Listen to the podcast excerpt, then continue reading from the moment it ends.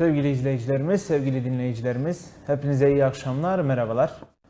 Haydar Alper İster ile Psikolojim programının 8. bölümüyle karşınızdayız. Bendeniz psikolojik danışman Haydar Alper Eser. Bir bayram tatilinden çıktık. Herkes biraz yorgun, biraz dinlenmeye ihtiyacımız var.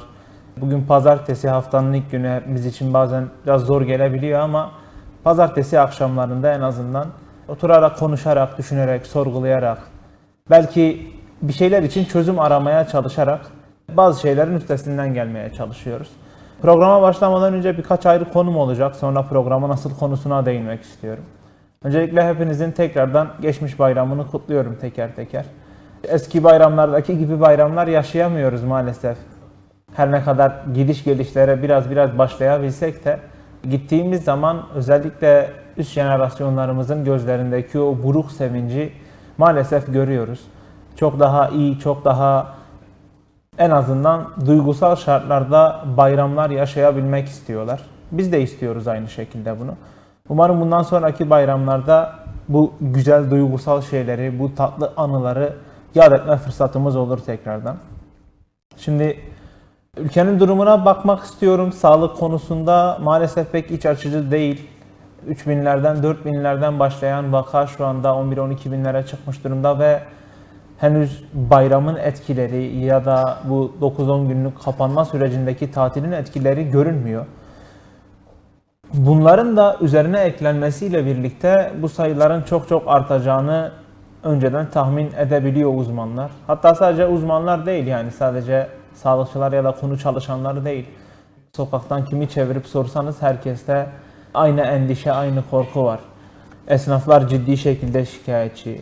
İnsanların tamamı ciddi şekilde şikayetçi ama maalesef bir yerde bir çözüm yakalayamıyoruz. Yani kesin bir çözüm yakalayamıyoruz. Başlamadan aşı konusuna değinmek istedim bunları anlatarak. Herkes açıklama yapıyor, tüm okullar, tüm kurumlar. Lütfen aşı olun, lütfen aşı olun diye. Şimdilik elimizde başka bir seçenek var mı bilmiyorum ama aşı olmamaktansa aşı olmak yani şimdilik biraz daha mantıklı görünüyor benim için. O yüzden yapmamışsanız ilk dozları, yapmışsanız ikinci dozları lütfen yapmaya çalışın en kısa sürede. Anaokulları 30-31 Ağustos'ta tüm kademelerde 6 Eylül'de başlayacak normal şartlar altında. Ama Diyarbakır başta olmak üzere çünkü vakaların en çok arttığı ilk 5 şehirden birisi Diyarbakır maalesef. Dediğim gibi Diyarbakır başta olmak üzere Doğu Güneydoğu için ya da tüm ülke geneli için düşünebilirsiniz. Ee, acaba 30 Ağustos'ta ana sınıfları ve 6 Eylül'de tüm kademelere gerçekten başlayabilecek miyiz? Ara kademeleri bir şekilde geçtim. Sınav grupları ciddi şekilde etkileniyor bundan. Sınav grupları önümüzdeki yıl için ne olur ne biter. Zaten 2 yıldır bu öğrenciler gerçek anlamda harap olmuş haldeler. Bunu düşünmemiz lazım belki de. Ya da üniversite dönemindeki akranlarımızı düşünmemiz lazım. Büyük bir çoğunluğu üniversiteye kayıtlarını yaptırdılar ama henüz bir kampüs ortamını ya da üniversite ortamını göremediler. Bunları anlatınca aslında hani biraz basit geliyor. Hatta bazılarımız bunu istiyoruz da online süreçlerde devam etmek istiyoruz bazı şeylere. Ama online'dan alabileceğimiz verimi geçen 7 programda anlattım. Maalesef alamıyoruz çünkü internet altyapılarımız çok çok eksik. Birçok noktada gerçek anlamda gerideyiz. Öğrencilerin verim almasını düşünebilmek ya da yüz yüze eğitime atfettiğimiz değeri online eğitime de atfedebilmemiz gerçek anlamda çok zor. Bu alanda yapılmış hem sosyal hem akademik birçok araştırma var. Akademik çalışmalarda özellikle son 6 ay içerisinde çok farklı sonuçlar çıkıyor ortaya. Biz öğrencilerle ilgili konuştuğumuz zaman onları suçlar vaziyette bazı şeyleri anlatıyoruz. Ya işte hani eğitim veriliyor aslında ama sanki öğrenciler bunu almıyor, almak istemiyor gibi bazı şeylerden den vuruyoruz ama yapılan çalışmalar artık şunu diyor, eğitimciler de yeni silahlar üretemedikleri için bir yerde, bir yerde kısıtlı kaldıkları için bu durum eğitimciler için de bir kapanma noktası, bir çıkmaz sokak aslında. Çünkü evet ilk zamanlarda biraz biraz eğlenceli olan ya da biraz biraz insanı üretkenliğe iten şeyler şu anda böyle bir tünel moduna girdi ve o tünelin sonunda herhangi bir karayolu, herhangi bir ışık görecek miyiz, görmeyecek miyiz bu da belli değil. İlk yaptığımız programda Psikolojinin bir de konumuz belirsizlikti. Belirsizliği yine bu pandemi üzerinden anlatmaya çalışıyordum. Yaklaşık 3 aydır ekranlardayım ve 3 ay içerisinde programa dair dönüşler veren insanlardan tutun da ben de dahil olmak üzere biraz biraz yorulduğumuzu, yıprandığımızı söyleyebilirim bu konuda. Çünkü herkesin içerisinde ciddi bir arzu var, ciddi bir istek var. Kimisi gerçekten çalışmak istiyor, kimisi gerçekten ekmeğini kazanabilmek istiyor bir şekilde ama bir yerde dışsal bir etken maalesef buna müsaade etmiyor. Bu dışsal etkenin dışında kontrol edebildiğimiz ama kontrol etmekten mümkün oldukça kaçındığımız birçok etken var. Yani bu anlattığım şeyler sadece bir virüs sonucunda ortaya çıkan şeyler değil maalesef. Ülke içerisinde virüse karşı yapılan birçok kalem noktasında da ben sıkıntımızın olduğunu düşünüyorum. Ama yine güzel bir temennide bulunarak bu konuyu kapatayım. Umarım 30 Ağustos'ta, 31 Ağustos'ta ana sınıflara açılır. Umarım 6 Eylül'de tüm kademeler açılır. Umarım üniversite öğrencileri gidip bir kampüs hayatı görebilirler. Çünkü üniversiteden ziyade şehirden bir şeyler taşıyabilirler. Şehir hayatını biraz biraz kendi hayatlarına entegre edebilirler. Bunların katacağı şeyler sosyal yaşam için çok çok önemli. Gidişat hiçbirimiz için sanıyorum ki iyi değil ama umarım ki düzelecektir. Umarım ki hep böyle gitmeyecektir. Yani 2000 yıllık bir e, süreç son 2 yılda bu hale geldiyse tekrardan 2000 yıla dönüp acaba neyi hatalı yaptık, neyi değiştirebiliriz diye bakmamız, düşünmemiz lazım tekrardan. Şimdi geçelim bugün konumuz aslında bazı sınavlar açıklandı. Bu sınavlardan sonra ortaokulların, liselerin, üniversitelerin durumları ne olacak? Biraz bunlardan bahsetmek istiyorum. Aslında bugün MEP temelli yahut yüksek öğretim temelli bazı şeylerden bahsedeceğiz. Resmi olarak bugün LGS açıklandı. Bu LGS'nin açıklanması sonucunda istediği yerlere gidebilen öğrencilerimiz varsa onları tebrik edelim. İstedikleri yerleri böyle kıl payı kaçıran insanlar, öğrenciler varsa da onlara da kendileri üzmemesi gerektiklerinden bahsedelim. Çünkü her şey gibi bu da bir sınav ve çok klişe bir tabirle önünüzde daha birçok yol var. Lise hayat için çok çok önemli olmakla birlikte hayatın tam olarak bir belirleyicisi değildir. Hayatın belirleyicisidir denilemez. Şimdi o yaş grubuna uygun düşünmemiz gerekirse aslında o yaş grubunda hayatın belirleyicisinin e, lise olduğunu düşünebilirler. Çünkü velilerin ciddi derecede bir empoze etme durumları var. Velilerin o öğrencilerin hayatlarına gerçekten çok sıkı şekilde karışabilme gibi bir hayatları var ki biz kurumlarda çalıştığımız zaman özellikle sınav grubundaki öğrencilerden mümkün oldukça veli desteğini devam ettirmekle birlikte veli direktifini, veri dayatımını egale etmek istiyoruz. Çünkü o yaş grubundaki ve o sınav psikolojisi içerisindeki öğrenciler, o yaş grubundaki insanlar bunları normalden çok çok daha üst seviyelerde anlayabiliyorlar. Övgü de yergi de aynı şekilde iki durumda da geçerli yani olumlu bir şey olduğunda da çok daha üst boyutlarda anlayabiliyorlar. Olumsuz bir şey olduğunda da aynı şekilde üst boyutlarda anlayabiliyorlar. Bu aslında o yaş grubu için özel olarak çalışabilmeyi gerektiriyor. Yani bir psikolojik danışman ya da psikolog için düşündüğünüz zaman ergenlik alanında bir uzmanlık sağlayabilmiş ya da gelişim psikolojisi alanında ciddi bir bilgi birikimi olan biriyle e, oturup görüşebilmeleri, oturup çalışabilmeleri gerekiyor. Bizim alan çok çok geniş olduğu için her noktada bir uzmanlık maalesef mümkün değil. Ki zaten her noktada uzmanım diyen birisi varsa da ondan da bu vesileyle kaçmanızı öneririm. Çünkü hani bir insanın her alanda e, gerçekten iyi olabilmesi oldukça zor bir durum.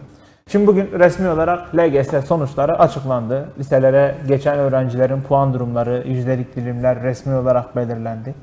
Ee, son iki yıldır bu sonuçlarda bazı bazı oynamalar var.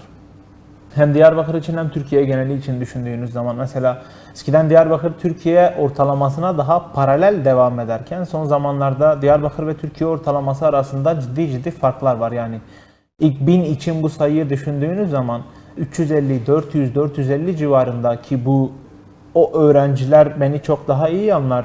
Bu sayı çok büyük sayılardır, çok önemli sayılardır. Bu oynamaların sebebi aslında bence pandemi değil. ilk başta da söylediğim gibi neredeyse her programdır söylediğim gibi pandemiyi bir şekilde artık kullanmaya başladık. Ve pandemiyi bir yıl boyunca gerek eğitimcilerin, gerek kurumların, gerekse de öğrencilerin, hatta gerekse de velilerin kullanması. Yani bir bahaneymiş gibi ya da başarısızlık için set oluşturabilecek bir unsurmuş gibi kullanmaya çalışmalarının sonuçlarını biz maalesef akademik sonuç olarak görebiliyoruz. Yani bugün sınavlar açıklandıktan sonra ya hocam bu nasıl olur? Neden böyle oldu? Niye puanlar bu hale geldi? diye arayan soran birçok veli oldu mesela.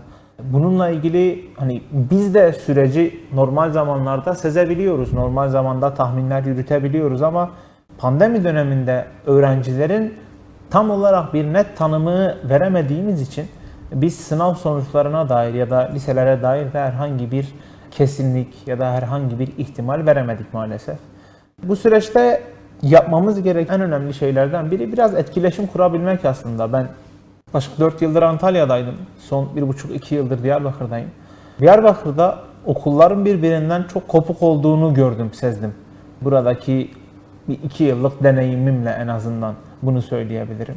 Devlet okulları ve özel kurumlar arasında ya da devlet özel diye ayırmadan tüm kurumlar ve üniversite arasında, tüm kurumlar ve e, milli eğitim bünyeleri, ilçe milli eğitimler, il milli eğitimler gibi bunların aralarında bazı kopuklukların olduğunu seziyorum. İnsanlarımız doğru bilgiyi hep bazı uzmanlardan, bazı isim sahibi olan insanlardan almaya çalışıyorlar ama sistem o kadar hızlı ki, o kadar değişiyor ki ve 6 ay içerisinde olan şeyler önceki 6 ay ile o kadar birbirini tutmuyor ki buradan alabileceğiniz gerçekten hani kesin bir bilginin olup olmadığı tartışılabilecek bir konu. Bu verilerden aslında bir çeşit ricam benim. Hani çok zor değilse sizin için bir okulla ilgili fikir alışverişinde bulunmak istiyorsanız gidin o okulun kapısını çalın. Oturun o idarecilerle bir görüşün. Kendi planlarınızdan bahsedin. Onların planlamasından istifade edin. Bunlar evet birbirini tutmayabilir çoğu zaman ama sizler için bir fikir olabilir. Ben kendi tercih dönemimde mesela puanım ve sıralamam belirlendikten sonra 3-4 tane okulu gezip hani e ben şu kadar puan aldım, şurayı istiyorum, ne yapabilirim? Ya da okul belli olduktan sonra dahi bu gezme işlemine devam edip şuraya geçebilirim ya da şu okulda şu şu şu imkanım var mı gibi sorgulamalar yapıyordum. Çünkü lise aslında birçok yerde o adımın temellerinden birisi. Yani bugün iyi bir lisede okuduğunuz zaman bunu öğrencilere de bazen söylüyoruz. İyi bir kuruma başvuru yapacağınız zaman, bir CV göndereceğiniz zaman insanlara okuduğunuz liseyle bir dikkat çektirebilirsiniz. Bu elbette ki çok zor çünkü lise hayatı çok çok yolun başı sayılabilir. Önünde üniversite var, de masterlar var, doktoralar var vesaire. Yani eğitim hayatını, akademik hayatınızı düşündüğünüz zaman lise çok daha böyle bebek adımları gibi, çok daha böyle ilk sayıklamalar gibi düşünülebilir. Ama en önemli noktalardan birisi de liseyi okuduğunuz yaş grubu. Elbette üniversitede bu konuda çok çok önemli ama düşündüğümüz zaman bazı gerçekler var. Şimdi ergenlik dönemi bizim kişiliğin oturmaya başladığı dönem. Hani biz bu şekilde söylüyoruz. Bu alanı en iyi tarif eden Danimarkalı psikolog şöyle atfediyor. Diyor ki ergenlik işte yaşam genelde 8 evreye ayrılır. Hatırlarsak Freud bunu 5 evreye ayırmıştı. Erik Erikson'dan bahsediyorum. Danimarkalı Erik Erikson'dan bahsediyorum. Sigmund Freud Avusturya kökenli. Bunu 5 bölüme ayırmıştı hayatın tamamını. Hatta ilk 18 yılına ayırmıştı kendisi. Erik Erikson buna karşılık öğrenmenin hayatın tamamında devam edebilen bir olgu olduğunu söylemiş ve yaşamın tamamını toplamda 8 ayrı bölüme ayırmış. Bu 8 ayrı bölümden 5.si yaş grubu olarak Freud'la aynı yere gelen 5.si ergenlik dönemi. Ergenlik döneminde bireye karşı verdiği tanım şu, kimlik kazanımına karşı rol karmaşası diyor. Bunu biraz açıklamamız gerek. Daha önce söylediğimi hatırlıyorum tekrar bu ekranlarda. Birey ergenlik yaş grubu içerisinde ki hani bundan yine bahsetmiştik. Erkekler ve kadınlar için farklılaşabilirdi. Coğrafi özellikler bakımından, iklim bakımından farklılaşabilirdi. Bireyden bireye, kişiden kişiye, şahıstan şahısa değişen hatta ailenin kendi genotipinden dahi değişen bir durum olduğunu söylemiştik bunu. Birey o dönemi iyi bir şekilde atlatabilirse, daha doğru, daha iyi bağlantılarla, sağlam ilişkilerle atlatabilirse kendine ait bir rol kazanımı yaşayabilir. Bu rol kazanımında elbette dönem içerisinde duyduklarının, gördüklerinin, kendine model ya da idol aldığı insanların kendi e, en başta çekirdek ailesi olmak üzere geniş ailesi, işte yakın çevresindeki insanların aslında önemi çok çok büyük. Bunların tam tersi olduğu zaman da birey bir rol karmaşasına girebiliyor. Ve bu rol karmaşası ileri ergenlik, sonrasında da ilk yetişkinlik dönemlerine kadar geçerli sayılabiliyor. Aslında o rol karmaşasına girdik mi ya da kendimize ait olan rolü bulduk mu bunu kişinin belirleyebilmesi çok çok zor. Aslında bunu dışarıdaki insanların da belirleyebilmesi çok çok zor. Biraz burada belki de o insanın gündelik ruh hali nasıl, mutluluk düzeyi nasıl, bizim daha pozitif psikolojiye göre iyilik hali dediğimiz durumu nasıl? Biraz biraz belki de bunları tartmamız, ölçmemiz, bunlarla ilgili kararlar vermemiz gerek. Dediğim gibi yaş grubu olarak evet üniversite belki çok daha önemli bir eğitim sürecini kapsıyor. Masterlar, doktoralar çok daha önemli bir eğitim sürecini kapsıyor. Akademik olarak, alan uzmanlığı olarak, konu hakimiyeti olarak çok daha e, ya da bir iş bulma fikri olarak, bir başvuru süreci olarak çok daha önemli bir adımı kapsıyor olabilir ama yaş grubu için düşündüğümüz zaman lise ciddi anlamda önemli. O konuda ben kendimi biraz şanslı hissediyorum çünkü Diyarbakır'da iyi bir lisede okuduğumu, o liseden edindiğim birçok tecrübenin sonraki yıllarda hayatıma bir şekilde ışık tuttuğunu, yol açtığını düşünüyorum. Böyle bir karanlık bir yol varmış da arkanızda böyle bir arabanın farını açmışsınız. O karanlık yol biraz aydınlanmış ve siz de o yola doğru gitmeye çalışıyormuşsunuz gibi. Lise aslında böyle o arkanızda açtığınız araba farı aslında. Ne kadar uzağa yürüyebileceğinizle o farın ne kadar güçlü olduğu, ne kadar ışık yansıtabildiği, ne kadar daha ileri düzeyde düşünebileceğinizin ya da potansiyelinizi ne kadar açığa çıkarabileceği ile ilgili bir konu.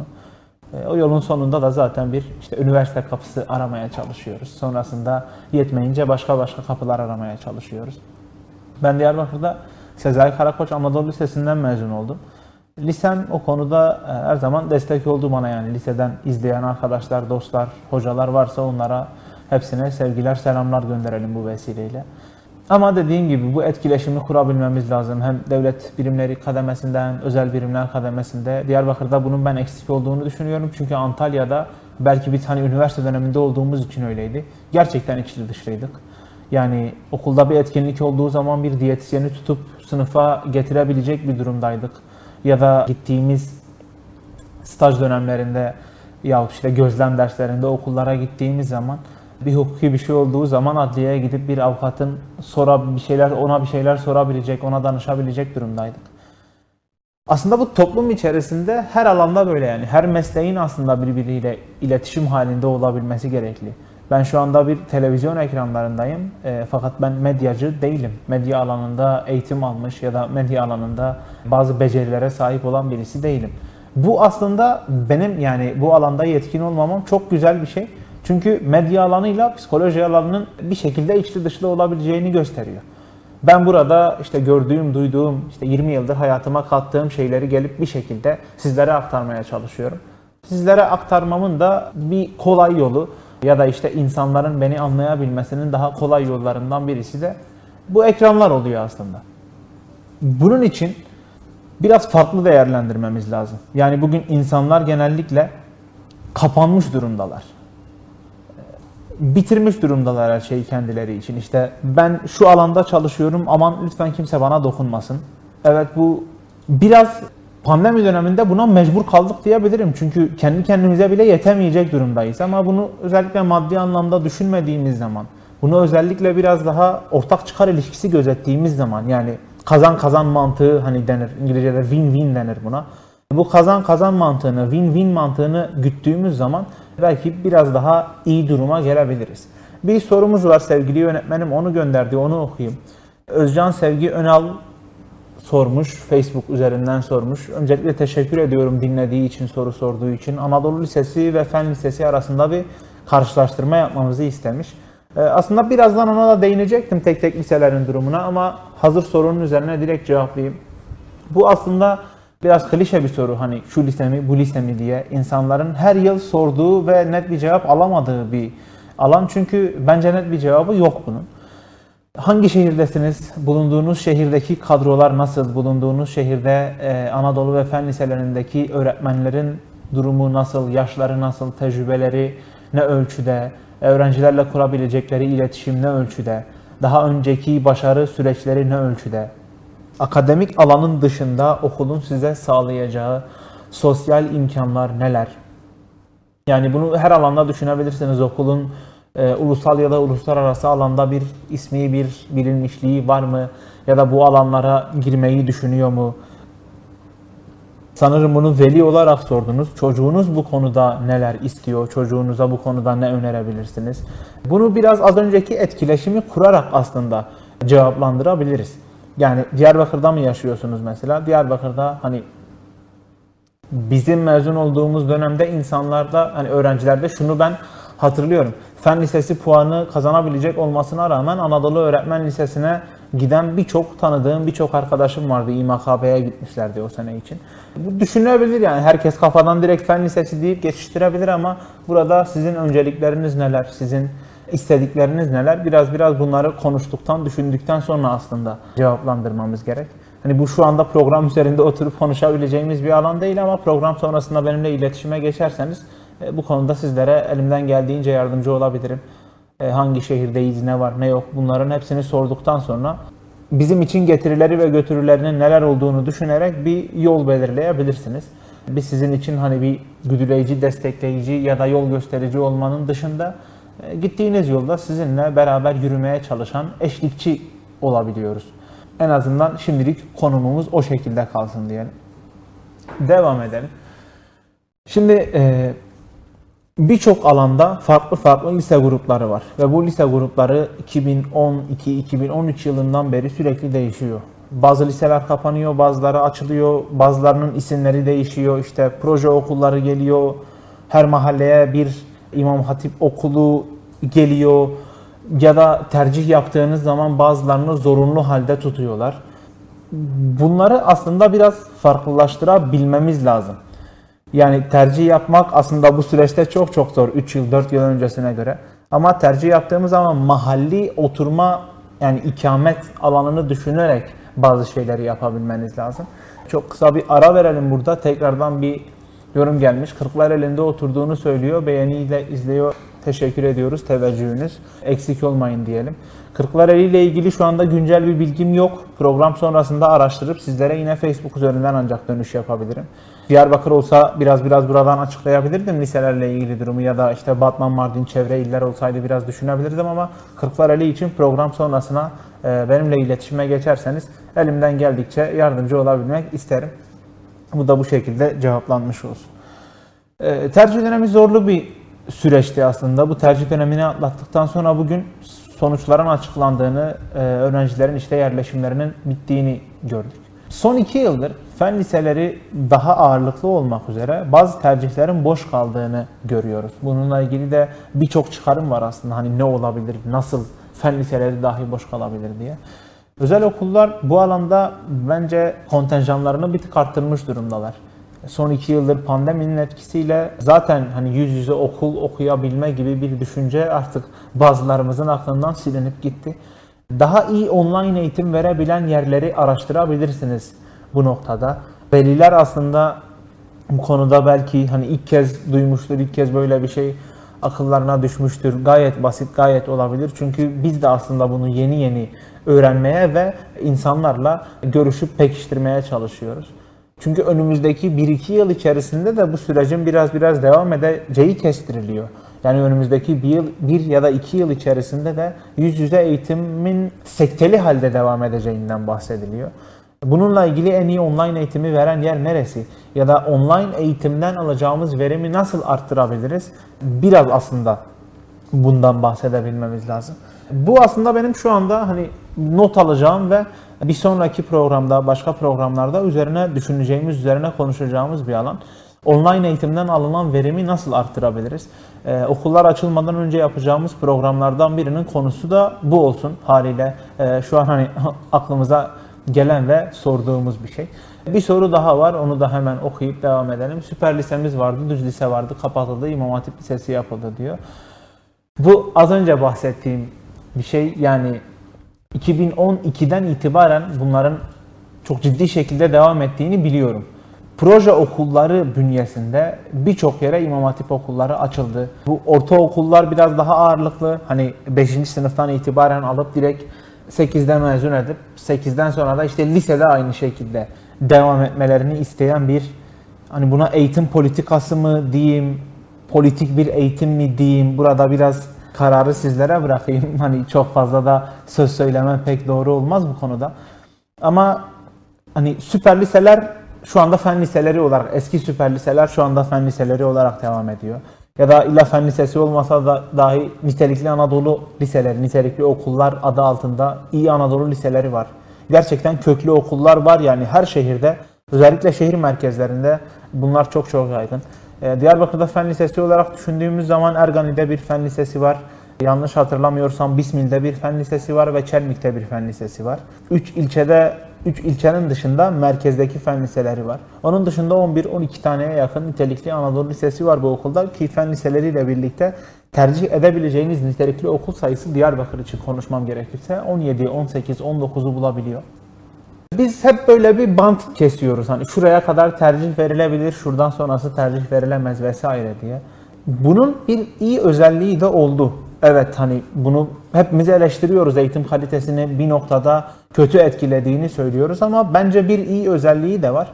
İyi özelliği de bence şu düz liseler eskisi gibi bir düz lise formatında değiller. Çok yaygındılar düz liseler. Ama bu düz liseler işte İmam Hatip okulu olarak, proje okulları olarak, mesleki, teknik, Anadolu liselerine çevrilerek aslında eski düz lise zihniyetinden, düz lise formatından çıkarıldı.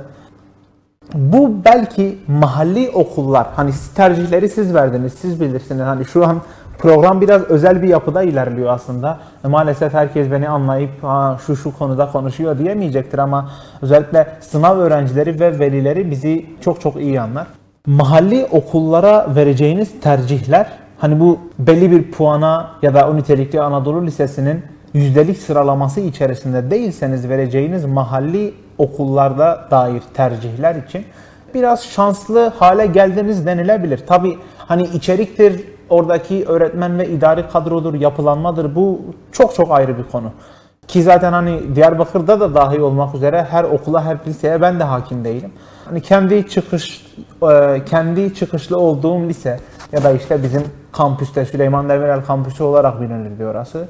Etrafındaki liseler, arkadaşlarımızın, eşimizin, dostumuzun okuduğu liselere biraz biraz vakıfız. Bir küçük yorum daha var. E, Diyarbakır 500 Evler Fen Lisesi'ndeyiz, izliyoruz demişler. Teşekkür ediyoruz. Selamlar, saygılar gönderelim size de. Dediğim gibi hani olumsuz bir durumu vardı. 2012'den, 2013'ten beri süre gelen bir e, durumdaydı bu ama son yıllarda belki hani o düz liselerin eski düz lise formatında kalmadığını, değiştiğini, dönüştüğünü söyleyebiliriz, anlatabiliriz. Şimdi bir tık kademe atlayacağız. Hani dedik başvurularda lise çok çok önemli. Ama lise o araba farı gibi adımlamaya başladığımız alanlardan biri. Bu liseden sonra bizleri daha farklı, e, daha yaş almış, daha yetişkinliğin ilk kademelerine ya da ileri ergenlik dediğimiz işte 22, 24, 26 yaşlar arasına e, yavaş yavaş konumlandığımız bir noktaya eviriyor. Bir üniversite var ve bu üniversiteler aslında Türkiye'nin böyle böbürlene böbürlene işte her ilde bir üniversitemizin olduğunu söylediğimiz ancak her ildeki üniversite çıkışlılarımızı maalesef işsiz bir şekilde yahut özel sektörlerinin mengenesi içerisine hapsettiğimiz bir olgu, bir realite. Maalesef buna hani sırtımızı da dönsek, yüzümüzü de çevirsek bundan kaçamıyoruz. Liseler bittikten sonraki süreç aslında çok çok önemli. Lise eğitimi devam ederken aslında bunlara bir şekilde karar vermeye çalışıyoruz. Hani o kişiliğin oturmaya başladığı dönemlerde e, öğrenciler hep şunu düşünürler. Hani benim için en uygun meslek hangisi, ben ne yapabilirim? E, bu alanda okul psikolojik danışmanlarına çok çok ciddi görevler düşüyor. Umuyorum ki birim fark etmeksizin hepsi kendi görevlerini hakkaniyetle, layıkıyla yaparlar.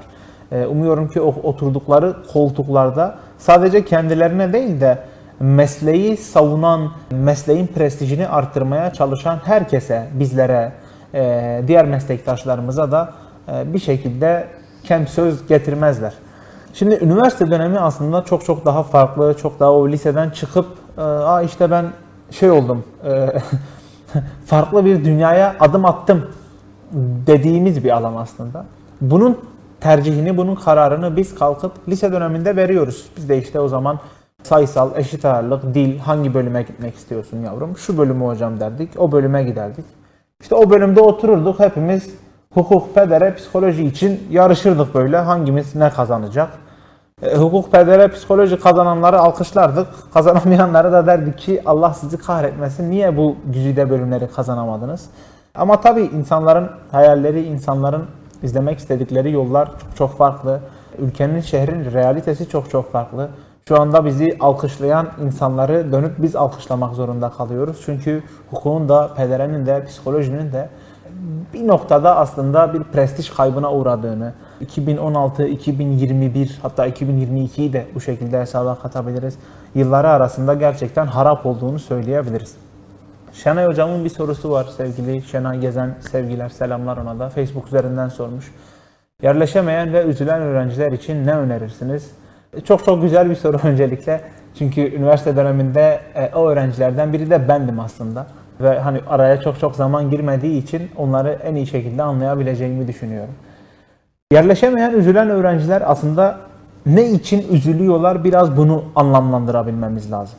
Gerçekten kendi istedikleri şeyin olmamasına mı üzülüyorlar yoksa velilerin, yakın çevrenin dayatılarına gereken cevabı, gereken telkini veremedikleri için mi üzülüyorlar?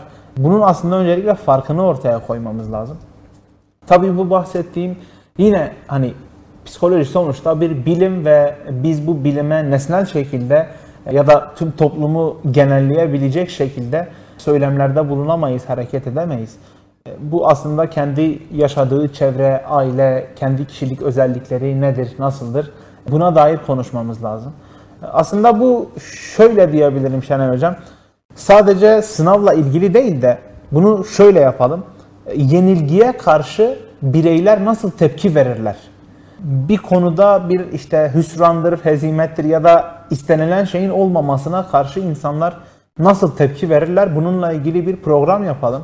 Okullar açılmadan önce. Ağustos ayında, Eylül ayında. Bir programımızın da konusu bu olsun. Size daha da teşekkür ederim. Sorduğunuz soruyla programın konusunu bir şekilde belirlemiş oldunuz.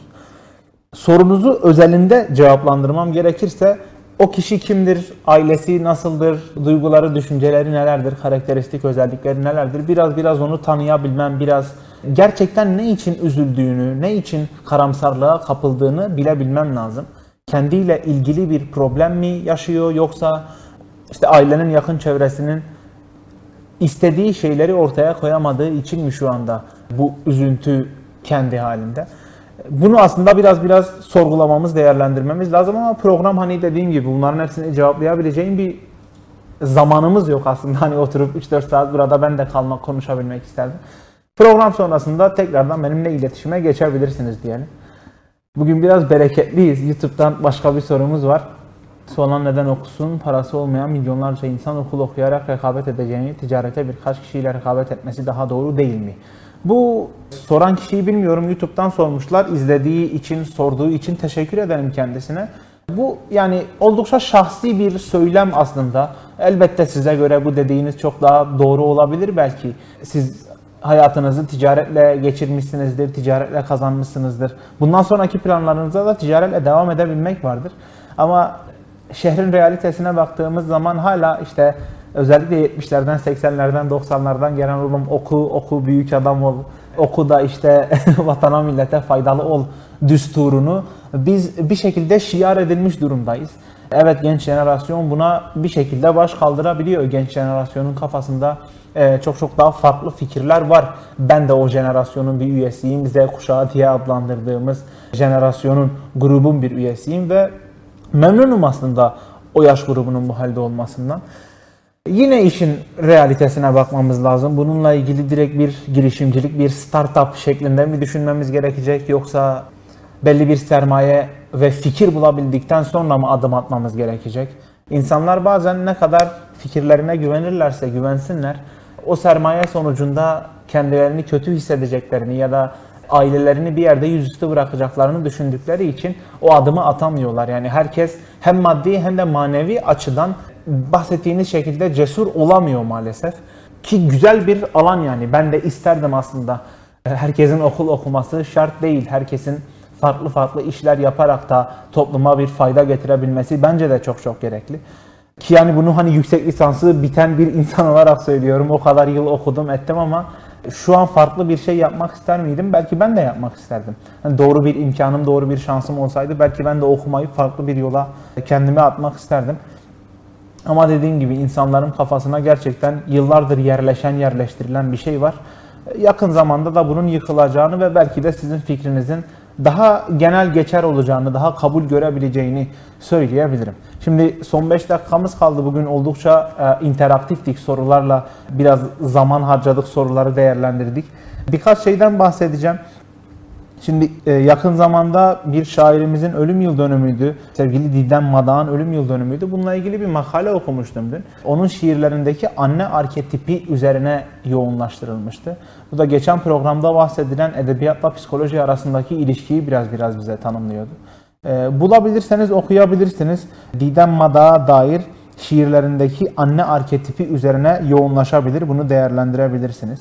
Bugün bir kitap önerim yok. Kitap önerisi yerine bir makale önerisi verdim. E, bu aslında akademik bir makale. Dergi Park üzerinden ulaşabilirsiniz ama şiirlerin açıklamasını yaptığı için biraz aslında edebi ya da biraz daha tanımsal e, şekilde de düşünülebilir. Bir de bir film önerim var. Bu film önerim aslında bahsettiğim bu işte sıkışmışlığın, kapalı kalmışlığın, işte Eylül'de ne olacak ya işte içinden çıkamıyoruz. Bu bohemin aslında bir şekilde yansıtıldığı, bir şekilde bizlere aktarıldığı konu. İran'da çekildi 28 Eylül 2011 tarihinde Fransa'da yayınlandı. İran'da çekildi. Niye İran'da yayınlanmadı? Çünkü yönetmenin İran'da film yayınlaması yasaktı. Film çekmesi dahi yasaktı. Bir yönetmen var Jafer Panahi diye. Aslında bunun hayatını da okuyabilirsiniz ama filmini, belgeselini izlemenizi öneririm sizlere. Belgeselin ismi Türkçe tabiriyle bu bir film değildir. İngilizce This is not a film. Ee, bir de herhalde Almancaydı nicht a film diye. Farsçasını şu anda hatırlayamayacağım. Türkçeyi tekrar söyleyeyim. Bu bir film değildir. Bu bir belgesel. Bir buçuk saate yakın bir süreyi kapsıyor. Yönetmen bir film çekmiş daha önce. Bu filmle ilgili bir yasak almış İran genelinde. Bu filmiyle ilgili işte bazı sahnelerde yoğun eleştiriler yaptığını ve bu eleştiriler sonucunda sinemaya dair bazı yasaklar alacağına dair bir karar kılınmış. Birilerini araya sokup cezasını hafifletmek istemiş. Cezası ev hapsine dönüştürülmüş ve ülkeden çıkış yasağı getirilmiş. Filmlerinin sadece kendinin değil, hem kendinin ülkeden çıkması hem de filmlerinin ülkeden çıkması yasaklanmış. E, tabii aslında o kapalı kalmışlık dediğim gibi bir şekilde yaratıcılığa dönüşebiliyor. İnsan sizin bahsettiğiniz ya da sizin düşlediğiniz şekilde bastırılabilen bir canlı değil. Her baskı bir şekilde bir patlama, bir isyan, bir belki de yaratıcılık yaratabiliyor. Yönetmen bunun üzerine evde bir düzene kuruyor. Halıların üzerinde böyle bir film stüdyosu hazırlıyor kendine. Çok minimal, çok mesajı direkt vermeye çalışan. Bir film çekiyor ve filmin ismini de bu bir film değildir koyuyor. Bu bir film değildir filmi. Ee, daha doğrusu belgeseli. İşte evinde iguanasıyla birlikte tasarladığı, hazırladığı bu belgesel. Bir doğum günü pastası içerisine bir tabletle, bir flash bellekle bir doğum günü pastası içerisine gizleniyor ve bir şekilde Fransa'ya kaçırılıyor. Fransa'da bu film izleniyor, olay araştırılıyor ve Cannes Film Festivali'ne götürülüyor. Sonrasında Amerika'da bununla ilgili ödüller alınıyor. Tüm dünya çapında bu belgesel, belgesel alanıyla ilgili aslında çok ciddi bir yaratıcılığa sahip. Bu belki de içinde bulunduğumuz bohem durumdan nasıl kurtulabileceğimize dair bizim için bir umut var olabilir. Kapanış yapacağım. Filistinli şair Mahmut Derviş'in müthiş bir dizesi var. Fakat yaşaya kalacağız diyor. Çünkü hayat hayattır. Hepimiz için öyle. Umutları yıkmak, şapkaları önümüze koyup kara kara düşünmek yok. Umuyorum ki bundan sonraki süreçler çok çok daha iyi bir şekilde değişir, gelişir. Bugün 8. bölümümüzü tamamladık. Aslında bizler için bir sezon finali şeklinde düşünülebilir bu bölüm. Çünkü iki hafta kadar olmayacağım. İki bölümü e, ertelemiş olacağız. Bir sonraki bölümü isterseniz ikinci sezonun ilk bölümü, isterseniz dokuzuncu bölüm olarak düşünebilirsiniz. İzledikleriniz, sorularınız, görüşleriniz için çok çok teşekkür ediyorum. 8 bölümdür beni yalnız bırakmadığınız için çok çok teşekkür ediyorum hem izleyenlere hem dinleyenlere. Ben Deniz Psikolojik Danışman Haydar Alper Eser. Psikolojim'in 8. bölümünü bu haftada geride bıraktık. Bir sonraki programın tarihini saatini tekrardan açıklayacağız. O güne kadar kendinize çok çok iyi bakın. Görüşmek üzere, iyi akşamlar.